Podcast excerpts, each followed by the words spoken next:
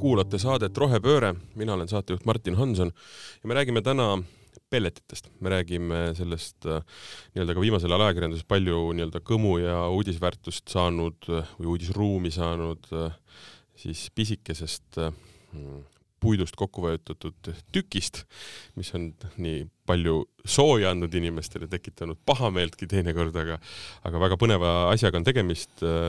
ja et ma seda nii-öelda juttu siin üksi ei jää, siis mul on üle laua ka ekspert, kes, kellega me siin hakkame vestlemagi sellel teemal, et millega täpselt tegemist on. kas tegemist on rohelise küttega, kus teda täna kasutatakse ja kõik need mõnusad asjad. saatekülaliseks on Pelletikeskuse ärijuht Aavo Isak, tervist! tere! Mm,? mina olen pelletit näinud mina olen pelletit katsunud ja nagu me enne saadet siis ka korraks arutasime, et ma olen neid pelleti kotte ikka kõvasti tassinud oma elus. no siis Kuna..., siis on teil vedanud selles mõttes, et ega neid inimesi Eestis ikka väga palju ei olegi, kes pelletiga kütavad, neid võiks olla tunduvalt rohkem. jah, aga kui me saame üldse hakata rääkima nii-öelda sisulisemat asja, sisulisematest asjadest, et mis asi see pellet üldse on? Kõik on kuulnud seda sõna, ma eeldan, et pilt tuleb silme ette ka, aga mis ta tegelikult on? no pellet on puidugraanul, iseenesest on, pellet leiutati kuskil seitsmekümnendate alguses Ameerikas. Te olete liiga noor mees selleks, et mäletada seda energiakriisi, mis sel ajal oli, kus Lääne-Berliin oli pime ja Ida-Berliin säras tuledes. ja kuna nafta hind hüppas hästi kõvasti üles, siis ameeriklased on niisugused nupumehed ja nemad leiutasid pelleti. ja pellet on äh, väärindatud äh, küttepuu ehk kaasaegne küttepuu, ta on, kui muidu tehti küttepuud lihtsalt äh, halgudeks ja visati kaminasse, siis äh,, siis pellet on niisugusel suurel rõhul ja temperatuuril kokku pressitud saepuru. ja sinna palju lisaaineid ei panna mõned äh, tehased kasutavad vähesel määral äh, tärklist, et see libedamalt pressidest läbi läheks, aga minu teada Eestis on selliseid tehaseid vist ainult üks või kaks, kes seda teevad. ja, ja mis pelleti eelis on? pelleti eelis on see, et äh, kui algusid tuleb lõhkuda ja laduda ja hoida ja kaitsta ja teha igasuguseid asju, siis, siis pellet on oma olemuselt hästi homogeenne kütus. ta on äh, kontsentreeritud, tema, äh, teda transportida on tükk maad odavam kui näiteks puiduhaket või algusid ja, ja tema kõikvõimalikud etteandesüsteemid, äh, põlemise kontroll ja kõik sellised asjad on täielikult automatiseeritavad ja see annabki talle selle eelise, et me kütame äh, nagu küttepuuga, lõhn on mõnus üleval mm, -hmm. aga me nagu ise väga palju enam kätt külge ei pane, eriti niisugustes suurtes süsteemides mm,. ma saan aru, et see nii-öelda saepuru lihtsalt äh, surutakse nagu sa ütlesid, rõhu all, suure rõhu all lihtsalt ja. kokku selliseks. Äh, see, see tehnoloogia on selline, et kõigepealt see saepuru kuivatatakse, jahvatatakse ja siis pressitakse läbi matriitsi, see on mhm. niisugune paks metallist äh, silinder, millel on augud sees ja, ja sealt puhtalt äh, füüsilise jõuga pressitakse see saepuru läbi, ta seal ligniin kuumeneb, pärast hoiab seda väikest prulli koos ja otsast siis, kui ta sealt pressi alt välja tuleb, lõigatakse lihtsalt nii-öelda seibideks? ta põhimõtteliselt ei lõigatagi seibideks, ta no. ise eh, murdub.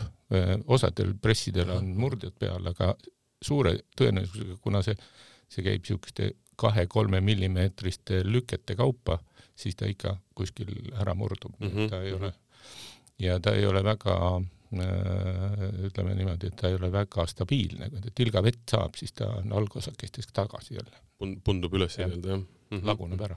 ja, ja, ja, ja. aga tulles nüüd selle pelleti jutu juurde tagasi, et äh, eks et milleks teda kasutatakse, teda kasutatakse alates sellest, et, et teda müüakse kassiliivana, äh, kasutatakse teda ikkagi põhiliselt kütteks ja, ja algusaastatel, ütleme, kui meie alustasime siin Eestis pelletiseadmete müügiga aastal üheksakümmend üheksa, siis ta oli ikkagi puhtalt eramaja kütus mm. -hmm. ta oli kohutavalt kallis, seadmed olid kohutavalt kallid ja need, kes endale ostsid ütleme pelletikatla või pelletipõleti, need olid siuksed eriti teadlikud ja eriti kaugele tulevikku mm. vaatavad inimesed. Mida aeg edasi, seda, seda loomulikumaks see see pelletite kasutamine kütteks läks. ma lähen korraks sinna seitsmekümnendatesse tagasi, et kas see põhjus, et nad selle valmistasid, oli see pigem nii-öelda nagu turunduslik aspekt või see oligi see probleem, mida nad, nad lahendasid nii-öelda energiakriisi probleemi, aga et eh, seda oli lihtsalt lihtsam transportida ja lihtsam nii-öelda inimesele selgeks teha, kui lihtsalt haluga kütet. absoluutselt jah, sellepärast et eh, huvitaval kombel on üldse see, et ütleme Põhja-Ameerikas, Ameerika Ühendriigid, Kanada on praegu väga suured pelletitootjad aga nad ise ei kasuta. Mm.. sest neil on, nüüd on gaas ja õli on jälle niisuguste heade hindadega, et eh, laisad inimesed eh, kasutavad ikka seda, mis, mis laisale inimesele kohane kuigi kui me, me, me kohe jõuame nende nii-öelda tehnoloogiliste aspektide juurde, siis ega pelletiga kütmine on ka ikka relatiivselt nii-öelda laisa inimese kütmise viis, sa pead teataval määral nii-öelda protsessi juhtima, aga see sõltub ka ja me jõuame nende tehnoloogiate juurde, et millest see sõltub, eks ju, aga ma korraks pelletist veel rääkides, mis on ju tekitanud väga palju siin ka ajakirjanduses ja üldse inimeste enda vahel vesteldes nii-öelda palju niisugust noh, kirge ja kuuma, on see küsimus, et millest reaalselt see pellet tehakse et noh, nii-öelda vale arusaam, ma saan aru, on see, et äh, minnakse metsa, võetakse üks suur puu, ilus nii-öelda võimsaks kasvanud sa sada aastat nii-öelda metsas olnud puu ja see siis lihtsalt hakitakse ja kuivatatakse, peenestatakse ja pressitakse. tegelikkus on vist midagi muud. tegelikkus on midagi muud jah, ja, ja tegelikult äh, on kogu see kirgede möll on ikkagi selle üle, et, et me ei ole suutnud kokku leppida, kui palju metsa tohib raiuda. et et üks ütleb, et viisteist, teine ütleb, et viis ja sinna vahepeale kuidagi kokku ei lepita. Ja praeguseni minu arust viimased kolm aastat on seda strateegiat arutatud ja mitte midagi pole välja tulnud. nii et ja, ja kuna sõjas vahendeid ei valita, siis, siis kui me näiteks mäletame siin mõned aastad tagasi presidendi vastuvõtul me saime teada, kes on Eesti rahva kõige suurem vaenlane, see on Harvester, eks ju, tuli öös ja tappis kõik ära siis paar aastat hiljem me saime teada, et miks see harvester seal metsas on, selleks, et pelleteid teha. nii et see on niisugune huvitav, huvitav uskumus. tegelikkuses loomulikult äh, kogu see pelleti tehnoloogia põhineb sellele, et pelleteid tehakse äh, jääkpuidust. ja, ja tõepoolest siin vahepeal oli, oli selline seis, kus hakati tegema ka ümarpuidust. aga igal juhul see ümarpuit, mida nüüd meie nii-öelda rohelised käivad seal platsi peal vaatamas ja ütlevad, et, ütlevad, et näe, ütlevad küll, et ei tee ümarpuidust, aga näe, endal on ladu ümarpuitu täis, siis kui tegelikult vaadata, mis puit seal on eh,, mul on hästi palju tuttavaid niisuguseid pelletitootjaid ja loomulikult ma olen nendega ka rääkinud, et kas te tõesti teete ümarpuidust? ütlevad, et mõnikord teeme. miks? sellepärast, et näiteks mõnel saeveskil on mänd siniseks läinud. no mis sa teed hädaga ära, eks ju, sa ei saa teda enam müüa, sa ei saa teda enam väärindada ja siis ongi, ongi see, et ainus võimalus on ta ära hakkida, kuivatada ja pelletiks pressida, aga põhimõtteliselt pressitakse ikkagi pelletist, pelletiks jäätmeid ja, ja, ja küttepuud sest et äh, kõiges võib äh, nii-öelda pelletitööstureid süüdistada, aga selles, et nad arvutada ei oska, neid küll süüdistada ei saa, sellepärast et ei ole võimalik äh, teenida kasumit, kui sa müüd või sa hakid ära kalli palgi ja teed sellest odavat pelletit, no siin on ju vastuolu. Mm,. selles on vastuolu ja see on muidugi üks probleem tõesti, mis äh, prevaleerib, on see, et ega puud ja puud väga ei tunta, eks ju. teatakse tamme, teatakse mändi, kaske, kuuske ma arvan, et metsas osatakse nimetada päris palju, aga tegelikult nende nii-öelda väärtust nii-öelda kütte või siis ehitusmaterjalina või mingi muu materjalina väga nagu ei teata. kuigi natukene mind ennast on ka see häirinud, et ähm, et me räägime kogu aeg nii-öelda puidule lisaväärtuse andmisest, noh, kõige lihtsam on ta lõigata ja müüa nii-öelda ümarpuiduna lihtsalt välismaale maha. Ei sealt sealt on siis järgmised äh, nii-öelda etapid edasi, et ma pigem küsiks niimoodi, et, ähm, et kui noh, kui hinnata, ma arvan, et seda on võimalik väga konkreetselt nii-öelda ka euroga hinnata või protsendiga, et et mis see lisandväärtus on, mida pellet annab ühele nii-öelda metsas kasvanud puidule või konkreetselt sellele küttepuidule, sellele nii-öelda jäägile? no põhimõtteliselt me ei saagi, me ei saagi seda eh, niimoodi arvutada, sellepärast et eh, nagu ega pelletit tehakse praegu täpselt samamoodi nagu vanasti tehti küttepuid ehk mm -hmm. et eh, näiteks minu vana vanaisa ütles, et et pliita alla tohib ainult hagu panna Mm -hmm. ja, ja praegu tegelikult pellet on peaaegu nagu see hagu, sellepärast et kõigepealt ikkagi raiutakse maja üles, eks ju, siis tehakse vankrile hais ja siis tehakse reele jalas ja siis kõik, mis üle jääb ja millega enam midagi tõepoolest hakkama ei saa, sellest tehakse siis pelleteid ja sellest saab sooja.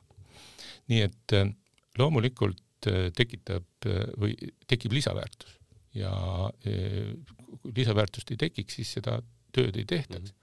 aga praegusel juhul tuleb sellesse suhtuda niimoodi, et et kui me seda ei teeks või no, mitte meie, me ei teegi pelleteid, me teeme pelletipõleteid, aga kui, kui pelleteid ei tehtaks, siis, siis kogu see saepuru on meil mure. Mhm. mis sellega teha? Yeah. mitte midagi ei oska teha. kunagi käisime eh, Loode-Venemaal rootslastega ekskursioonil ja seal Vene saemehed ütlesid, et nojah, selle soo oleme me juba täis vedanud, nüüd veame järgmist sood, sellepärast et midagi muud ei ole selle saepuruga teha. et siis pigem teha tõesti juba pellet ja kütta nii-öelda maja sellega. Aga ühesõnaga, kas ma saan õigesti aru, et äh, kui on kuulda neid jutte, et äh, a la pelletitootja on ostnud kokku suure metsa ja hakkab seal nii-öelda raiuma, kindlasti nii-öelda raieplaani alusel, eks ju, siis see ei tähenda seda, et otsast, mida harvester maha võtab, see jookseb kõik läbi, läbi, läbi tehase nii-öelda pelletiks, vaid tegelikkuses ja noh, võttes arvesse sedasama lauset, et äh, mehed oskavad arvutada, see tähendab seda, et äh, puiduga käitutakse ikkagi nii-öelda kõige paremal viisil. kõige parem, parem osa läheb sinna, kuhu kõige parem osa lähe, läheb ja pelletit tehakse ikkagi sellest, millega enam midagi muud peale põhimõtteliselt pole hakata.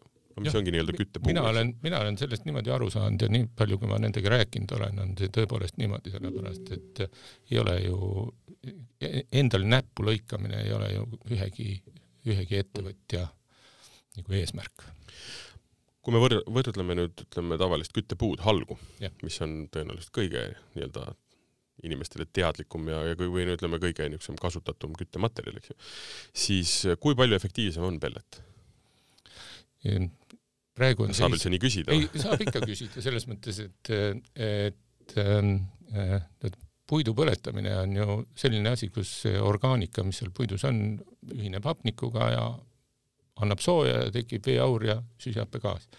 et kui me põletame halgu, siis, siis ähm, õhukuiv halg sisaldab umbes kakskümmend protsenti vett, siis selle põlemise jooksul ta peab selle vee ära aurutama ka. Ja teiseks on see struktuur, on terviklik struktuur, hapnik sinna väga hästi kohale ei jõua, põlemine on aeglane, mitte väga täielik, hästi palju tekib vingugaasi ehk mitte põlemata, mitte põlemata osi seal suitsu sees, siis pelletil on vastupidi, et tema on pressitud väikeseks, tema põlemisel see, see väike prull või Mhm. brunn jah, laguneb veel ära, hapnik pääseb sinna igale poole juurde, kuskil ei põletata pelletit ilma lisaõhu andmiseta. see, see pelleti põlemisprotsess on viidud hästi puhtaks ja lisaks sellele seal on kahekümne prossa asemel kaheksa protsenti vett ainult, mis tuleb ära aurutada, nii et selle võrra ta on juba, juba efektiivsem. Kuhu aga saab minna noh, päriselt nii-öelda maja kütmiseks või, või, või noh, hoone kütmiseks, mitte selle vee väljutamiseks. jah, just. ja ma, kui me nüüd äh, räägime sellest, et, et meil on halupuu ja meil on pellet, siis praegune seis on selline, et kui teil on oma mets ja te tahate teha füüsilist tööd mm, -hmm. siis te minge talvel metsa, töötage enda halupuu üles, müüge see maha, ostke saadud raha eest pelletit, saate rohkem sooja Äh, ja minu perekonnas see nii käibki. Äh, minu isa ütleb, et äh, puude tegemisel on, saab kaks korda sooja. mis on vanarahva tarkus, eks ju. kõigepealt, kõigepealt metsa minnes ja see puu sealt ära tuues ja siis, kui sa paned ta noh, mis iganes kujul siis nii-öelda kaminasse või? kaminasse või, jah. Aga jõuame siis tegelikult selleni, et ütleme tänapäevane, kui me räägime siis äh, kütmisest puuga, siis halg sobib nii-öelda kaminasse, kuna ta on ilus. absoluutselt. Versus see, et pelletiga on ikkagi palju efektiivsem kütta ja ta on ka tänu sellele siis ma eeldan odavam, eks ta on natuke odavam ja, ja mis on põhiline, on see, et, et ega halgudega kütmine saab olla ka väga efektiivne. näiteks praegu on Eestis turul selliseid katlaid, mille nimi on pürolüüsikatel, mis, mis kõigepealt gaasistavad selle halupuu -hmm. ja siis põletavad selle gaasi ära, hästi täielik põlemine, kõik on imeilus. aga selleks, et, et sellise süsteemiga saada selline mugavus, nagu tänapäeva inimesele vaja on, ehk et kui mul on vaja toas ikkagi kakskümmend üks kraadi, et mul oleks kogu aeg kakskümmend üks kraadi, siis siis need haluga köetavad seadmed pea-, on väga kallid ja väga mahukad, sest me peame kasutama akumulatsioonipaake ja igasuguseid selliseid mm -hmm. asju. pelletiga on see hea asi, et tema ju mõõdab temperatuuri. ja kui katlas temperatuur natuke langeb, ta paneb ennast põlema ja kütab natuke juurde, siis jääb jälle mhm, seisma, nii et ta on selle, selle, kuidas seda nüüd öelda, et kui, kui kunagi sai, sai tehtud niisuguseid arvutusi, et kui palju, et kui me tõepoolest kütame halupuuga, läheme pelleti peale üle, palju me kokku hoiame. siis tuli välja, et väga palju nagu ei hoidnudki, et umbes viisteist protsenti kulu tuli juurde ja siis hakkasime arut-, vaatama, et kuhu see, miks siis niimoodi tuleb. ja siis tuli välja, et see tuli kampsuni arvelt ehk et äh, kui sa kütad üks kord päevas, siis äh, alguses on soe, siis on paras ja siis on külm, siis paned kampsuni selga, sa ei lähe ju kohe alla yeah., alla kütma, aga pelleti põleti vaesekene, tema ei saa sellest aru, et yeah, yeah. võib ju kampsunit ka panna vahepeal, tema mm -hmm. kütab kogu aeg. ja, ja, ja, ja eks see, see mõtteviis on natukene selline ja, et ähm, kui sul on oma mets, tood selle puu ära, müüd maha ja siis tegelikult noh, pellet, sa pead natukene juurde või tähendab, ütleme selle raha eest, mis sa saad oma metsast toodud puu eest, tegelikult sa ei saa nii palju pelletit saad. tagasi. saab? saab, isegi rohkem saab. jah, praeguse väga hea praegu, müüt sai praegu niimoodi ja, ümber lükatud. see praeguse hinnataseme juures küttepuu on, küttepuu hind on tõusnud mm ja pelleti hind on viimasel ajal, ma arvan, et pigem viimane kahe aasta jooksul on langenud natuke, aga viimane kuskil kuus-seitse aastat ei ole üldse muutunud. aga ma tahtsin jõuda selleni, et, et pelleti küttesüsteemide noh, nii-öelda noh, kuna nad toimetavad nii-öelda inimesest sõltumata, siis tegelikult on võimalik ju neid panna toimetama selliselt, et noh, sul ei olegi toas tegelikult vaja nii, nii, nii kõrget temperatuuri, kui ütleme puu kütmisel tihti juhtub, no täpselt see, et sa kütad, siis on temperatuur väga kõrge, siis ta langeb ja siis sa pead jälle minema teda kütma tegelikult. et sa saad hoida nivood natukene allpool ja tegelikult kulu on ka väiksem. jah, muidugi mm. -hmm. ja, ja mis noh, tegelikult äh, inimesed selle peale ei mõtle, aga üks kraad toatemperatuuri on aasta jooksul umbes viis protsenti küttekulust mm. -hmm et kui me saame hoida endal niisuguse keskeltläbi kahekümne kahe asemel näiteks kakskümmend üks ja pool, siis see on juba suure maja puhul päris kõva, kõva kokkuhoid mm. -hmm. ja näiteks need, ütleme, et meie pelletipõletid ja katlad ja see automaatika, mida me seal kasutame, seal on tegelikult võimalik toatemperatuuri määrata umbes null koma ühe kraadise täpsusega mm -hmm. ja kellaajaliselt ka, nii et, et mina ise kasutan näiteks seda, et ma öisel ajal langetan umbes kraadi mm -hmm. ja päevasel ajal umbes kraadi tõstan. ma ei ole küll seda nii-öelda seda kokkuhoidu kokku arvutanud, aga mugav on küll. ja, ja, ja, ja üks kraad on isegi tegelikult äh, üsna vähe, ma oleks arvanud, et isegi, isegi rohkem. ei noh, mul on põrandaküte. jaa, seda on keeruline. see, see on nii suure inertsiga, et radika, radiaatoriküttel on see tõepoolest ööseks viis kraadi maha ja, ja, ja hommikuks ja. teed silmad lahti, on jälle hästi, eks. ja, ja, ja, ja. aga me siin äh, enne saadet äh, arutades, et millest me räägime, jäi veel üks teema siin lauale ja, ja tegelikult on siin võib-olla hea see kohe ära rääkida, et ähm, miks see teema on, ütleme, ajakirjanduses nagu hambusse jäänud? selles mõttes, et äh, me oleme praegu rääkinud sellest, kuidas, kuidas pellet on me ei ole rääkinud ühestki negatiivsest aspektist, eks ju, et me oleme rääkinud sellest, et tegemist on, tegemist on hea küttega, teda valmistatakse sellest materjalist, mis niikuinii ahju läheks, antakse lisaväärtus, sellega on võimalik äh, nii-öelda kodu ilusti ära kütta, on lisaks sellele veel ka loodussäästlik. aga miks ta on hambus?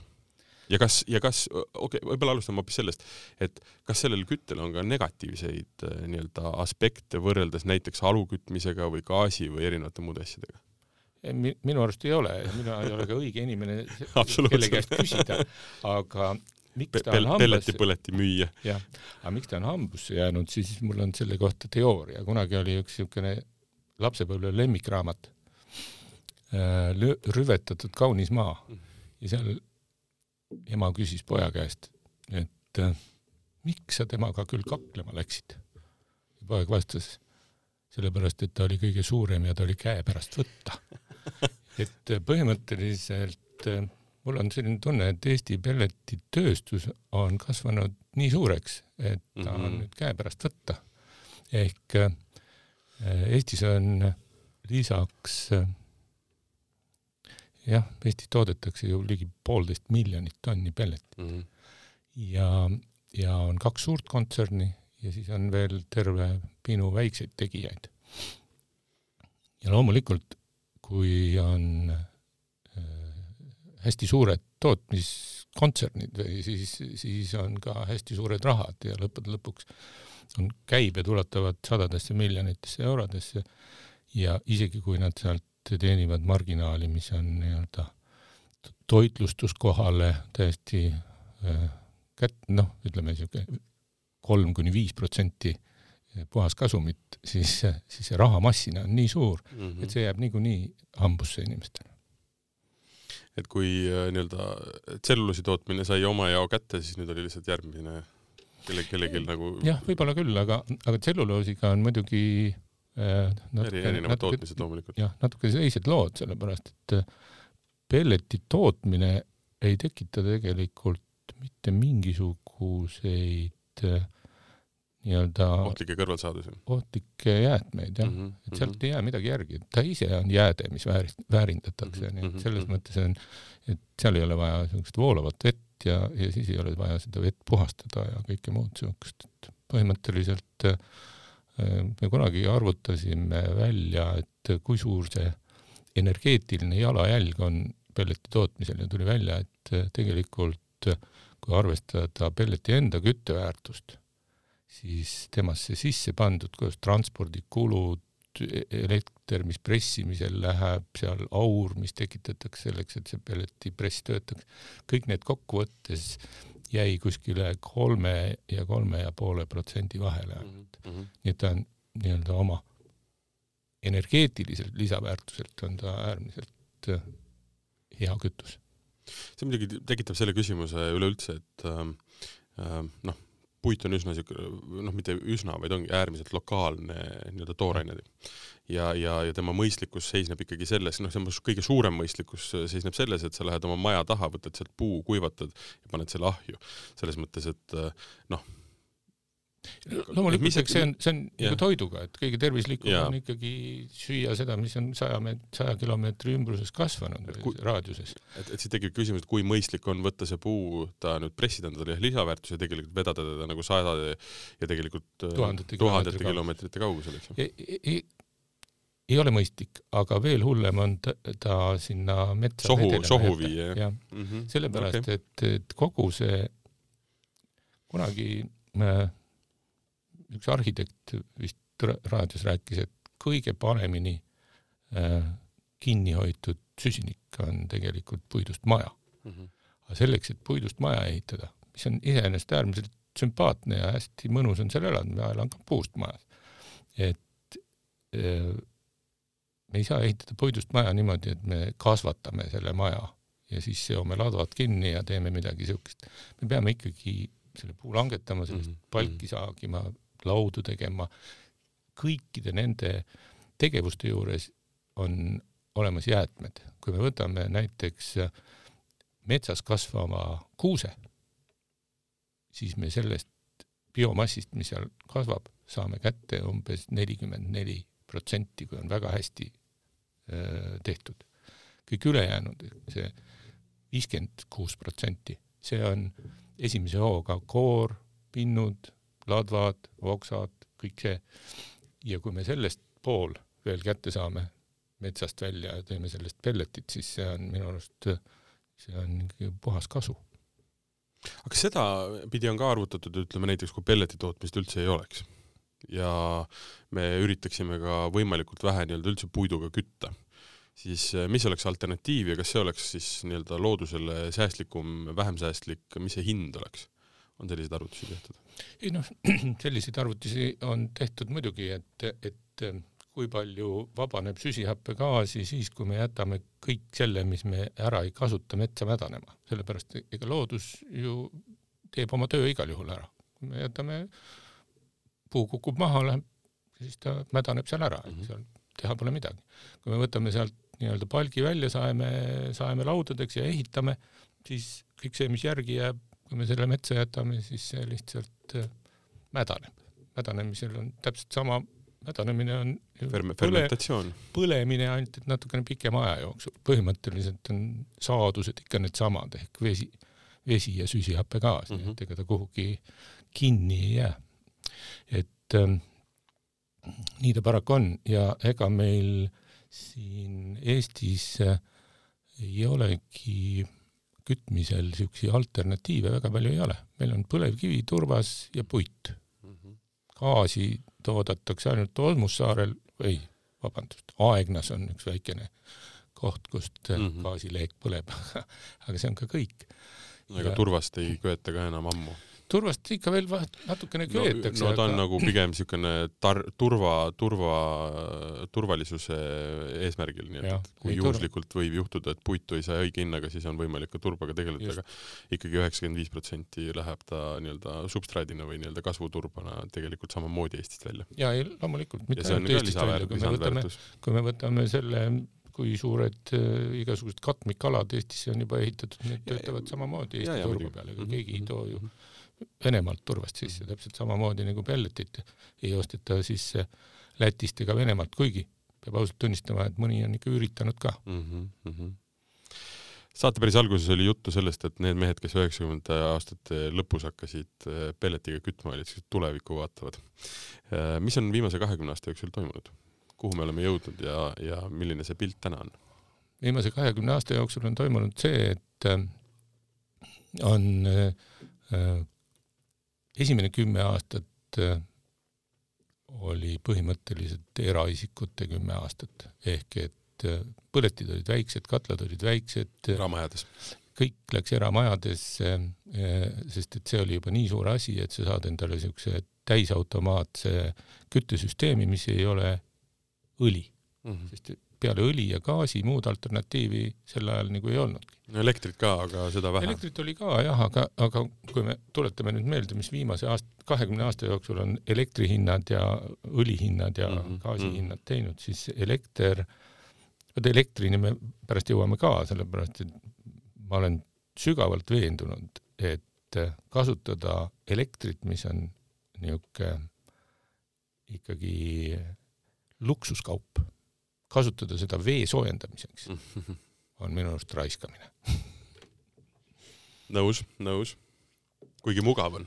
on loomulikult mugav, miks, miks see mugav ei ole, kõik on mugav. aga noh, põhimõtteliselt, mis see on siis, see on siis kümme aastat me nii-öelda kasvatasime puhtalt ainult eraisikute turgu, siis hakkasid vaikselt juurde tulema suuremad eh, tarbijad, eh, koolid, rahvamajad, vanadekodud, tööstustarbijad.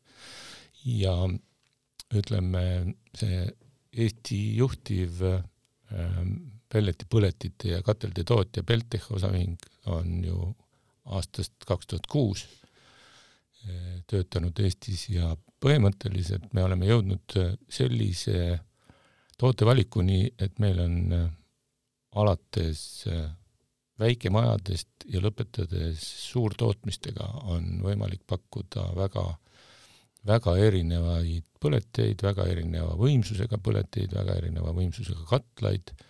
nüüd äh, jõuluks saab valmis ka esimene kuuma õhu puhur, mis töötab pelletiga, mis on noh, näiteks ehitusjärgus majades soojendamiseks või midagi sellist.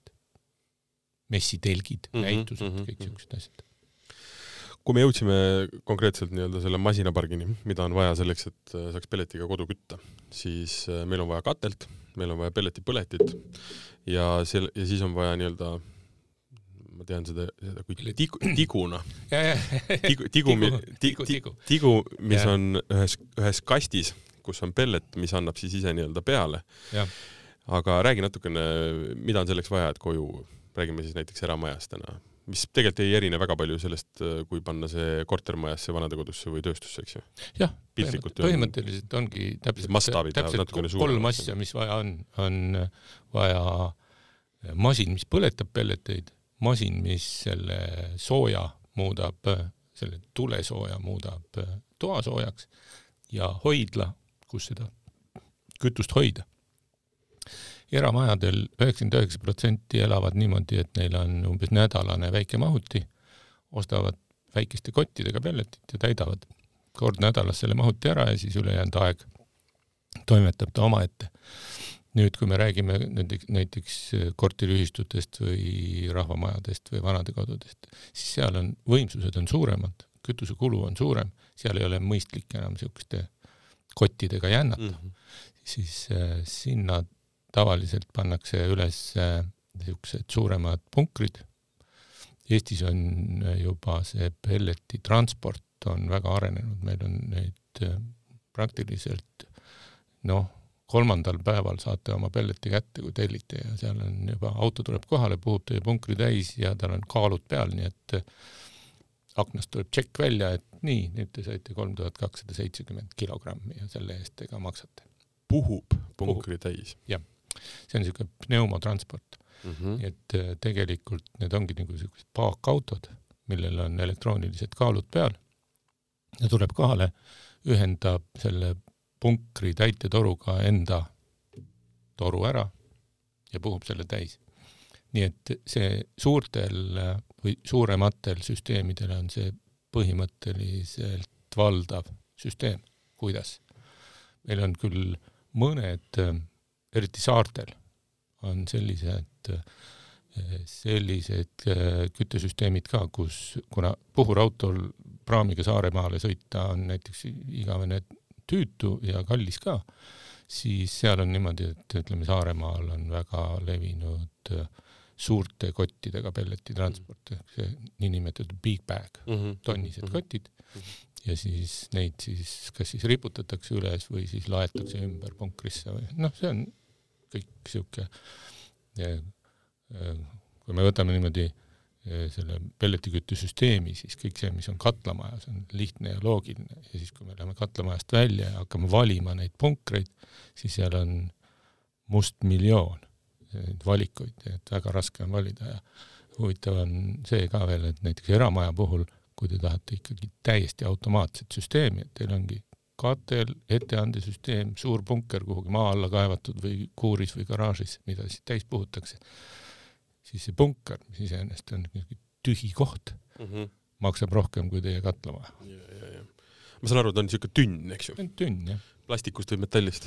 nii plastikust kui metallist, suuremalt jaolt metallist, aga, aga nüüd viimasel ajal on ka klaasplastist selliseid äh, suuri tünne hakatud tegema. ta peab hoidma kuivana, seal on mingi süsteem ka sees, et ta ise nii-öelda ei lase niiskust sisse, ta on lihtsalt hermeetiline? ta on lihtsalt äh, niimoodi, et sinna niiskus sisse ei lähe, ta on tegelikult, tal on äh, õhutusavad on üleval olemas mm, -hmm. nii et ega see pellet nii, ta on kergelt hügroskoopne mm. -hmm aga mitte niimoodi, et öeldakse, et, et punker ei tohi olla suurem kui ühe aasta äh, kütusekulu. okay.. et kui pellet seisab rohkem kui aasta, siis ta võib hakata nii-öelda niiskust koguma mm. -hmm, mm -hmm. ja selle punkri võib põhimõtteliselt maa, nagu sa ka mainisid, maa sisse panna, võib panna lihtsalt kuuri, noh, oleneb su- suurusest arusaadavalt, ju. loomulikult. maasisesed on muidugi sellised, mis äh, on noh, ütleme, et Eestis maasiseseid punkreid ma praegu ei teagi mm. Mm -hmm. Need on nagu siuksed kallimad. ma hakkan mõtlema, et aastane kütusevaru, no see on, peab olema ikka päris suur äh, punker siis. miks? ei ma pea ei. tea, ma pole näinud ma küsin. keskmine eramaja, kui me võtame, et E- Eesti keskmine eramaja on umbes sada nelikümmend, sada viiskümmend ruutu, Mhm. siis eh, eh, kui ta on ehitatud kaheksakümnendate lõpus, siis eh, läheb seal aastas umbes kuus tonni pelletit ja kui ta on ehitatud kahe tuhande kümnendal või hiljem, siis umbes neli tonni pelletit, nii et neli tonni pelletit ei olegi väga palju. see maksab muide praeguste hindadega, kui kotiga poest osta, siis see maksab umbes kaheksasada eurot aastas ainult.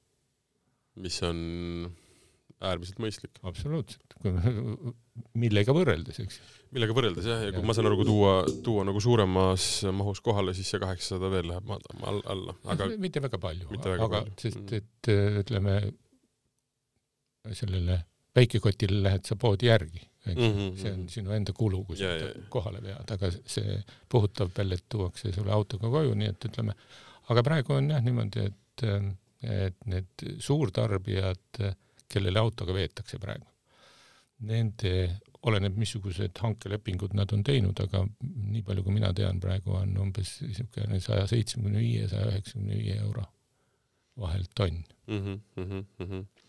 aga kui äh, ütleme, see punker on olemas, seal on pelletid sees, siis on nii-öelda see tigu või kruvi, mis põhimõtteliselt sealt siis äh, pidevalt seda pelletit vaikselt nii-öelda sinna siis põletisse tõstab või viib, Viib, siis, siis järgmine on põleti mis on katlas. ja siis on katel ja. seal toimub põhimõtteliselt kogu nii-öelda see põlemine täpselt samamoodi nagu iga põlemine, eks ju.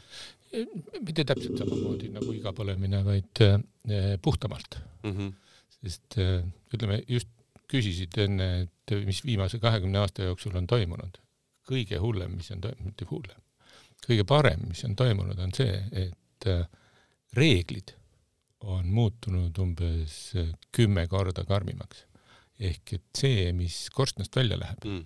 see peab olema nii puhas, et äh, seda saavutada on ikka täiesti niisugune triki.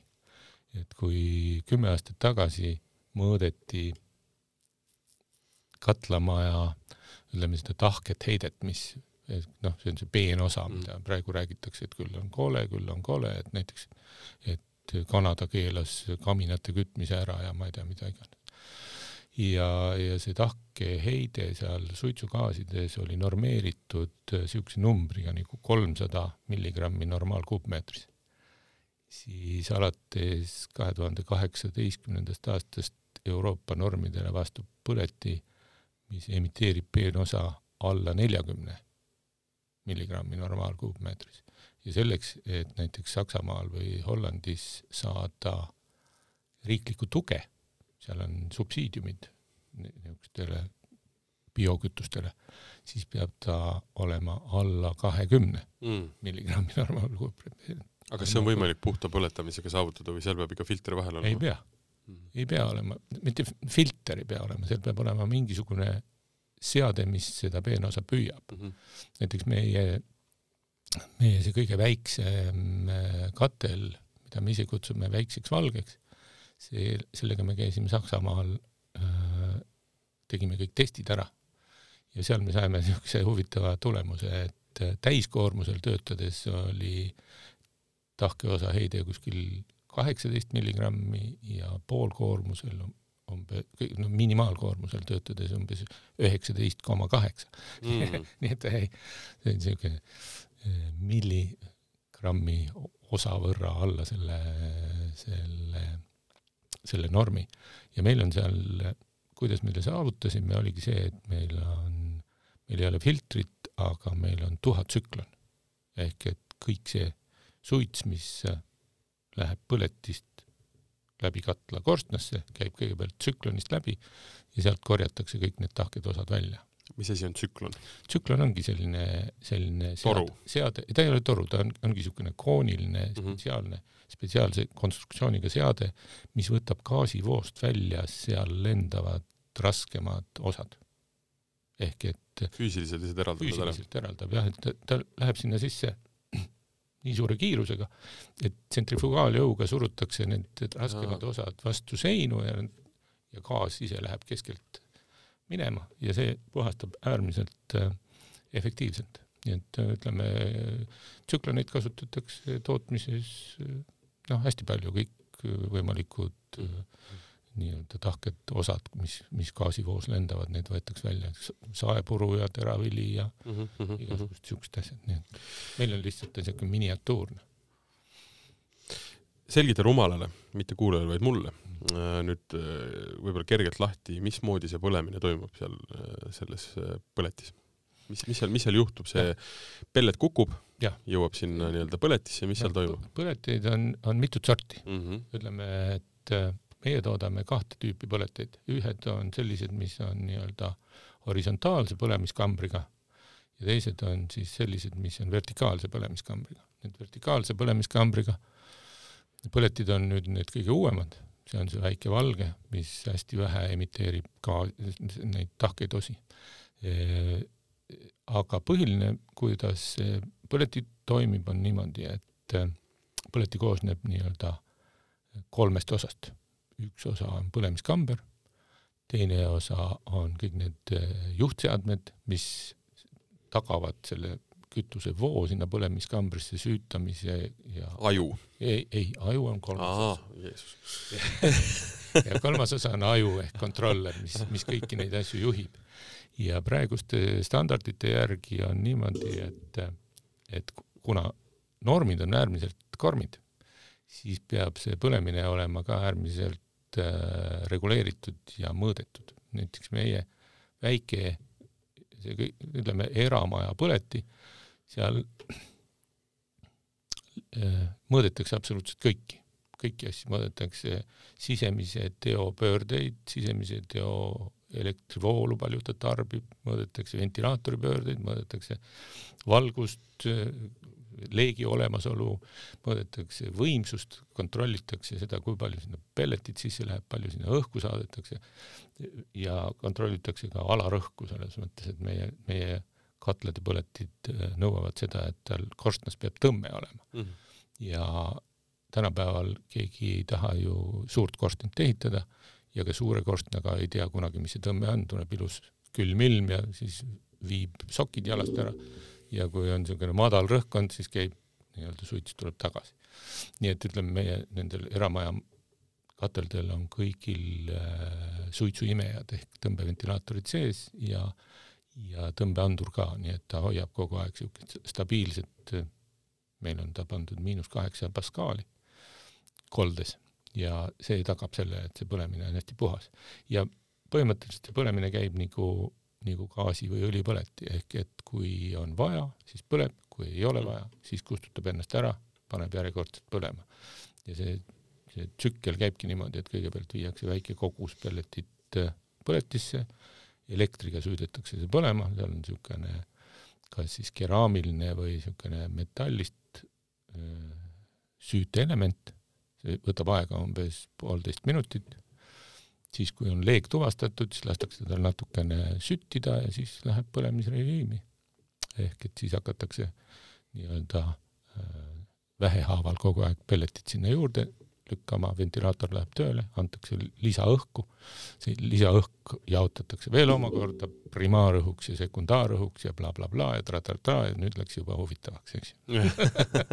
Ei, see on, see on hästi oluline, sellepärast et äh, ma olen erinevate pelletitootjatega ka tegelikult rääkinud ja siis äh, nad on kunagi ma ei mäleta, mis aastal see võis olla, aga kirjeldasid, kuidas nad esimest pelletit, pelletipõletit nagu välja mõtlesid ja ja ostsid ühe vist Rootsi päritolu ja istusid selle juures vahtides tunde sinna, sinna sisse, et mis seal toimub ja siis aretasid enda oma välja, et noh. Nad aretasid katla, mitte põleti. Nad aretasid katla jah ja., et, et, et, et, et noh, see või see, see, see ongi väga põnev selles mõttes, et kui sa, kui sa hakkad väga süvenema ühte asja, et kuidas mingit asja efektiivsemaks teha ja paremini ja mm -hmm. mõistlikumalt ja siis lõppkokkuvõttes ka odavamaks jah. ei, see on, see on, see on hästi põnev ala iseenesest, sellepärast et ega see puidu põlemise keemia, see on ikkagi niisugune mm. asi, et ei ole lihtsalt nii, et tõmbad tikku ja kohe lähed, et see on, seal on nihukesi huvitavaid, huvitavaid nüansse on seal no kõik me oleme ju lõket teinud.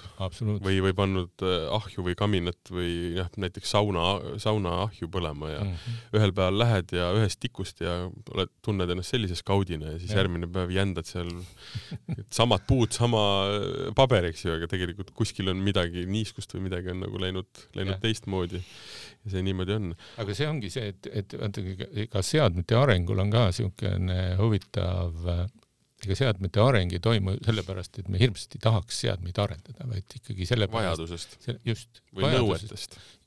üks asi nõuetest, teine asi vajadusest, sellepärast et mis, mis me märkasime oma esimese põlvkonna põletitega, oli see, et, et kuna põleb süütepulk läbi laupäeva õhtul mm -hmm. naistepäevaks jõululaupäevaks, kõik siukestel asjadel, kus siis tõepoolest nii-öelda pere on koos, sooja on vaja ja tehnikud on kõik nii-öelda puhkusel, sellepärast et ja siis järgmise põlvkonnaga me tegimegi juba sellise, lisasime sinna sellise äh, võimaluse, et kui sul tõepoolest läheb jõululaupäeval äh, süütepulk läbi, siis pane ta küünlaga põlema, ütle talle, et hoia leeki ja tema hoiab igavese tulena nii kaua, järgmise tööpäevani on sul maja soe. ja, ja siis tuleb juba inimene, kes ja. saab selle asja ära klaarida ja parandada mm. -hmm. Um, noh, eramajadega on selles mõttes arusaadav, väiksed katlad, väiksed põletid, aga kui suureks on üldse võimalik minna nii-öelda pelleti põletamisega? ma saan aru, et äh, vanadekodud ja, ja rahvamajad ja noh, lähme lihtsalt nii-öelda kubatuurid suuremaks, aga, aga kui suuri põleteid täna olemas on ja, ja mida arendatakse ja kuhu üldse on võimalik minna sellega? jah, väga suuri. meie viimase paari aasta nii-öelda fookus ongi läinud just niisuguste tööstuslike põletite ja tööstuslike katelde arendamise peale, nii et ütleme, me saime siin viimase kolme aasta jooksul olemegi valmis saanud terve perekonna selliseid suuremat sorti katlaid, mis algavad kahesaja viiekümnest kilovatist siis lähevad kakssada viiskümmend, kolmsada viiskümmend, viissada, seitsesada ja tuhat ehk et kõige suurem katel, mida me praegu toodame, on PK tuhat ja selle äh, võimsus on peaaegu mega. ja vastavad põletid lähevad ka sinna ette ehk et sama sammuga, eks ju, kakssada viiskümmend kuni mega. lisaks toodame veel pooleteist megast põletit äh,, mida siiamaani me oleme rohkem müünud Eestist välja Eestis ei tööta ühtegi pooleteist megast põletit praegu. lihtsalt äh, nii-öelda näitlikustamiseks. kuhu selline pooleteist megavatine põlet üles pandi või äh, katel? esimesed, noh, me katlaid nii suuri ei tee. aa, põletis ikkagi, jah. Mhm. sest äh, need põletid põhimõtteliselt äh, töötavad kuivatites mm. -hmm. ehk et nad Rootsis kuivatavad vilja, siis kõige rohkem nii-öelda pooleteist megaseid põleteid on meil Brasiilias mm. -hmm. Nemad kuivatavad seal teed ja, ja matet. et kuna selle mate tehnoloogial on niisugune eh, see on hästi põnev, see mate tehnoloogia, see mate ise ei kõlba üldse juua, ta on nii õudselt mõru aga, aga, aga see tehnoloogia on selles mõttes põnev, et see mate teeleht peab kõigepealt eh, läbima elava tule. ta peab kukkuma mhm. sellest tulest läbi, et ta saab selle puidu äh, niisuguse suitsumaitse või ma ei tea, mis asja seal mhm, juurde saab mm. -hmm. ja kuna sellega tõenäoliselt mingid esterlikud õlid, mis peavad ära põlema. võib-olla küll jah, igal juhul. mis on mõrudad. jah, ja siiamaani nad tegid seda kõike nii-öelda käsitöö ja halupuude ja loopisid lihtsalt lõkkest läbi. just, ja loopisid mm -hmm. seda läbi ja see on ikkagi hästi-hästi kulukas ja, ja ka töömahukas. ja nüüd meil on minu arust kuus kuus pooleteist megast põletit töötab Brasiilias, mis teevad teed. väga põnev. jah, äge, ma pole ise käinud ja ma saan aru, et äh, see ei ole, see ei ole ka kõik, et käib ka suurema põleti arendus, jah? see on natukene vara rääkida, aga iseenesest me oleme väga, väga elevil sellest, sellepärast et meil on Saksamaal üks koostööpartner, kes äh, hästi suure tööstuse kuivatile tahab saada kahe ja poole megast põletit ette. ja see kahe ja poole megaseid äh, põlemisseadmeid tehakse praegu küll, aga need on sellised, mis on kõik integreeritud juba katla sisse, ütleme näiteks mm, -hmm. näiteks Saksamaal, Taanis äh, on selliseid kuni viie kuni kümne megaseid pelleti katlasüsteeme tehakse, aga lihtsalt sellist, mis, mis olekski nagu eraldi põletina mida me saame ühendada näiteks selle kuivatiga või millegi mm -hmm. et selliseid väga ei tehta, nii et ja siis monofunktsionaalseid tehakse, aga sellel on, mida te arendate, on pigem niisugune laiem äh, kasutuspind siis? no selles mõttes küll jah, et meil on nagu Gamma kaks, kas me kuivatame teravilja või teed või yeah., või aurutame vahtrasiirupit või mm, -hmm. või pastöriseerime piima või noh, see.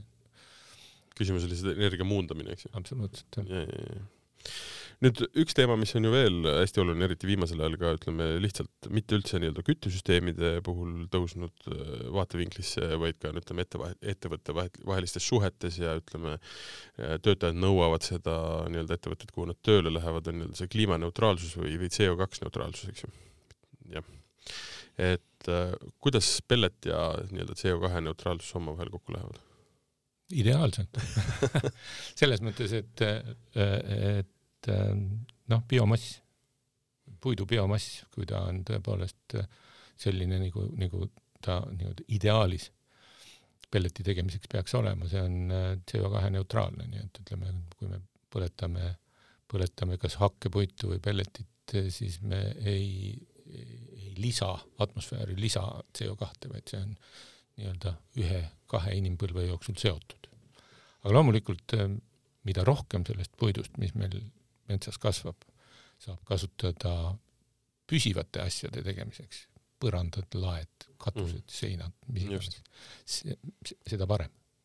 et, et kui minu käest küsida, et, et kas ma oleks nõus langetama puu ainult selleks, et sellest pelletit teha, siis ma arvan, et mitte. ja vastus on ei pigem?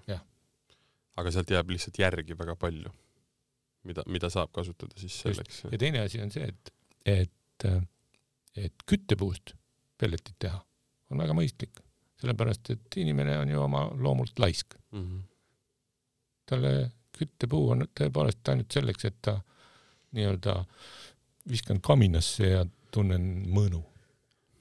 aga selleks, et nii kui mul üks sõber ehitas endale maja ja tegi terve maja äh, kaminakütte peale, see oli kuskil üheksakümnendate mm -hmm. alguses. ütles, et küll on mõnus. kodust ja kaugele oli. minna ei saa? jaa, üks asi see, et kodust kaugele minna ei saa, aga teine asi see, et esimene aasta on mõnus ja teine aasta on ikka mõnus, mõnus., aga kolmandal aastal ajab tigedaks hakkab kõrini saama ja ei, see on see, see selline romantika läheb üsna kiiresti üle ja ma tean seda väga täpselt, et äh, kamin on suurepärane asi. ja kamin peab olema selline, mis kannab sooja, lisaks sellele, et ta ilus on. ja selle koha pealt ma võiksin natukene nii-öelda vastu vaielda, ma ise ehitasin endale sellise kamina, mis sooja ei andnud ah., et on ainult ilus vaadata. see kõlbab ka, vaata sellepärast, et mul on pelletikatel keldris. jaa noh, no majasoe võiks olla ikkagi nii-öelda mingi tsentraalne lahendus ja. selles mõttes, aga, aga ta annab äh, hoopis teistsuguse õhuruumi tuppa. et sa ei suuda, sa ei suuda seda konkreetset nagu feeling ut ühegi, ühegi nii-öelda siis radiaatoriga anda. või põranda soojendusega veel eriti, eks ju. absoluutselt. ei, ma ei, ei vaidle üldse vastu, see oli mul nii-öelda väike, väike, väike nüke, aga just see, see, ütleme, see kamina kiirgus, see, see leegi enda yeah. see ilu yeah, ja see yeah, kiirgussoojus, see, mis seal kamina ees istudes saad, see on ikka täiesti võrreldamatu mingit, tehakse ju ka pelletikaminaid, aga pelletikamin minu arvat-, need on väga ilusad, itaallased on Mihklit, need teevad miljoneid pelletikaminaid aastas, aga neil on üks väike viga kõik mm, -hmm. see leek on närviline Kubiseb. Äh, ta on selline nagu see gaasi, gaasi siis selle ei, gaasikamin, vot see, see või see riba, riba, riba mm, -hmm. seal on ikka niisugune aeglane leek, aga aga see on niisugune närviline? see on niisugune närviline leek. see ei ole ilus. mis tuli peab ikka praksuma rahulikult. istud ja vaatad närvilist leeki, no mhm, taevast tuleb mm. -hmm. ei ole vaja mm.. kaminat ma ei olnudki kuulnud, et pelletijama tehakse. tehakse hästi palju, just lõuna osariikides. tõenäoliselt sellesama Itaalia, Hispaania, Prantsusmaa, hästi palju. tõenäoliselt sellesama loogika pärast vajutad nuppu ja sul on kamin töös nii-öelda. jah, huvitav, huvitav on see veel, et näiteks noh, me praktiliselt ekspordime oma neid katlaid ja põletajaid tervesse Euroopasse ja lisaks veel Venemaale ja, ja ka üle ookeani on mõned läinud. aga suhtumine toasooja näiteks Kreekas, Itaalias mm, -hmm. Rootsis, Eestis, Soomes on totaalselt vastupidine. näiteks kui me Eestis müüme kõige rohkem ikkagi eraisikutele niisuguseid väikseid viisteist kuni kakskümmend kilovatti äh, kütteseadmeid mm, -hmm. siis Kreekasse alla viiekümne ei olnud nagu mõtet üldse minnagi.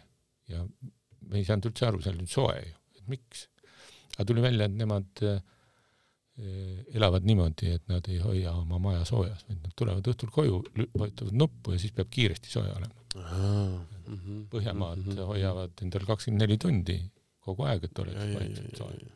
Mhm, okei, mis tähendab seda, et sul on lihtsalt vaja puhast võimsust. jõuga. hästi kiiresti. hästi kiiresti. väga huvitav, väga huvitav. see on, need on siuksed äh, detailid, mida sa enne ei tea, kui sa selles valdkonnas ei toimeta, näiteks äh, ma kunagi olin seotud ühe teki- ja padjatootjaga siis selgus selline pisikene asi, et nende üks suurimaid äh, nii-öelda turgusid olid Araabia Ühendemiraadid, kus inimestele meeldib, väljas on nelikümmend kraadi, neile meeldib, äh, et toas on viisteist ja siis on väga soe tekk. no ütleme viisteist võib-olla on liiga vähe, aga ütleme niisugune kaheksateist. ja siis on väga soe tekk. nii et noh no, inimesed tahavad kõik täpselt sedasama asja põhimõtteliselt. meil tuleb see lihtsalt loomulikult uksest ja aknast ja seinast nii-öelda sinna tuppa sisse, eks ju -hmm ühesõnaga, pellet on roheline, pellet on äh, mõistlik ja tegelikult seda võiks nii-öelda rohkem kasutada. jah, meie ise armastame öelda, et äh, pellet on maailma kõige sõbralikum kütus. et ta on nii looduse kui rahakoti sõbralik mm. -hmm. väga ilus mõte, millega see saade ka kokku tõmmata okay. äh,. Aavo, aitäh! Äh, saade, mida te kuulasite, oli Rohepööre me rääkisime pelletitest ja sellest, kuidas pelletit tehakse, kust neid põletatakse, mis on see nii-öelda kasutegur ja looduslikkus sellel, ma arvan, noh, veel umbes tuhande tunni jagu jäi siin juttu rääkimata absoluutselt. ja, ja igasuguseid numbreid on võimalik saada tohutult palju, nii et minge pelletikeskuse kodulehele, uuele kodulehele, mis varsti ilmavalgust näeb ja saate seal kindlasti väga palju targemaks ja ma arvan, et nagu ikka ma kõikides saadetes ütlen, et kõige lihtsam on helistada, võtta kontakt inimesega ja lihtsalt rääkida. Ja, ja saab teada igasuguseid põnevaid, just täpselt, ja näha, millised nad on, sest noh, ma ütlen, et eh, ega nad ei, noh, selles mõttes ega katel on katel, ega ta ei erine ju väga palju lihtsalt, eh, no ei no meie ei... oma on kõige ilusam absoluutselt. et ma sinna tahtsingi jõuda, et kui sa peale talle vaatad ja teda näed ja saad aru, kuidas ta toimib, siis hakkavad hoopis teistsugused äh, niimoodi ideed peas liikuma, sa saad aru, kas ja milline sobib sulle nii-öelda sellesse kütteruumi, mis on sul kunagi, kunagi ehitatud, eks ju, see on nüüd põhiline probleem, et äh, ega kütteruumid ehitati üsna väiksed. nüüd on küsimus see, et kuidas kogu see masinapark siin ära nii-öelda paigutada, millest kõige olulisem on tegelikult see noh, konteiner, kus tegelikult see pellet sees on ülejäänu on üsna ikka kompaktne ju. jah, ütleme niimoodi, et minu katlaruum on umbes natuke alla kahe ruutmeetri. jaa, mahub ära. kõik. lisaks veel on töölaud ka ah, siis ei ole mitte ühtegi nii-öelda põhjendust või vabandust, eks ju selge pilt, rohepööre, mina olin saatejuht Martin Hanson, üle laua istus Pelletikeskuse ärijuht Aavo Isak. järgmisel järgmine saade on teise, täitsa teisel teemal, aga me jääme nii-öelda rohepöörde äh, siis äh, teekonnale ja vaatame, kuidas on, on mõistlik äh, oma asju niimoodi sättida, et olla loodussäästev. seniks aga kõike head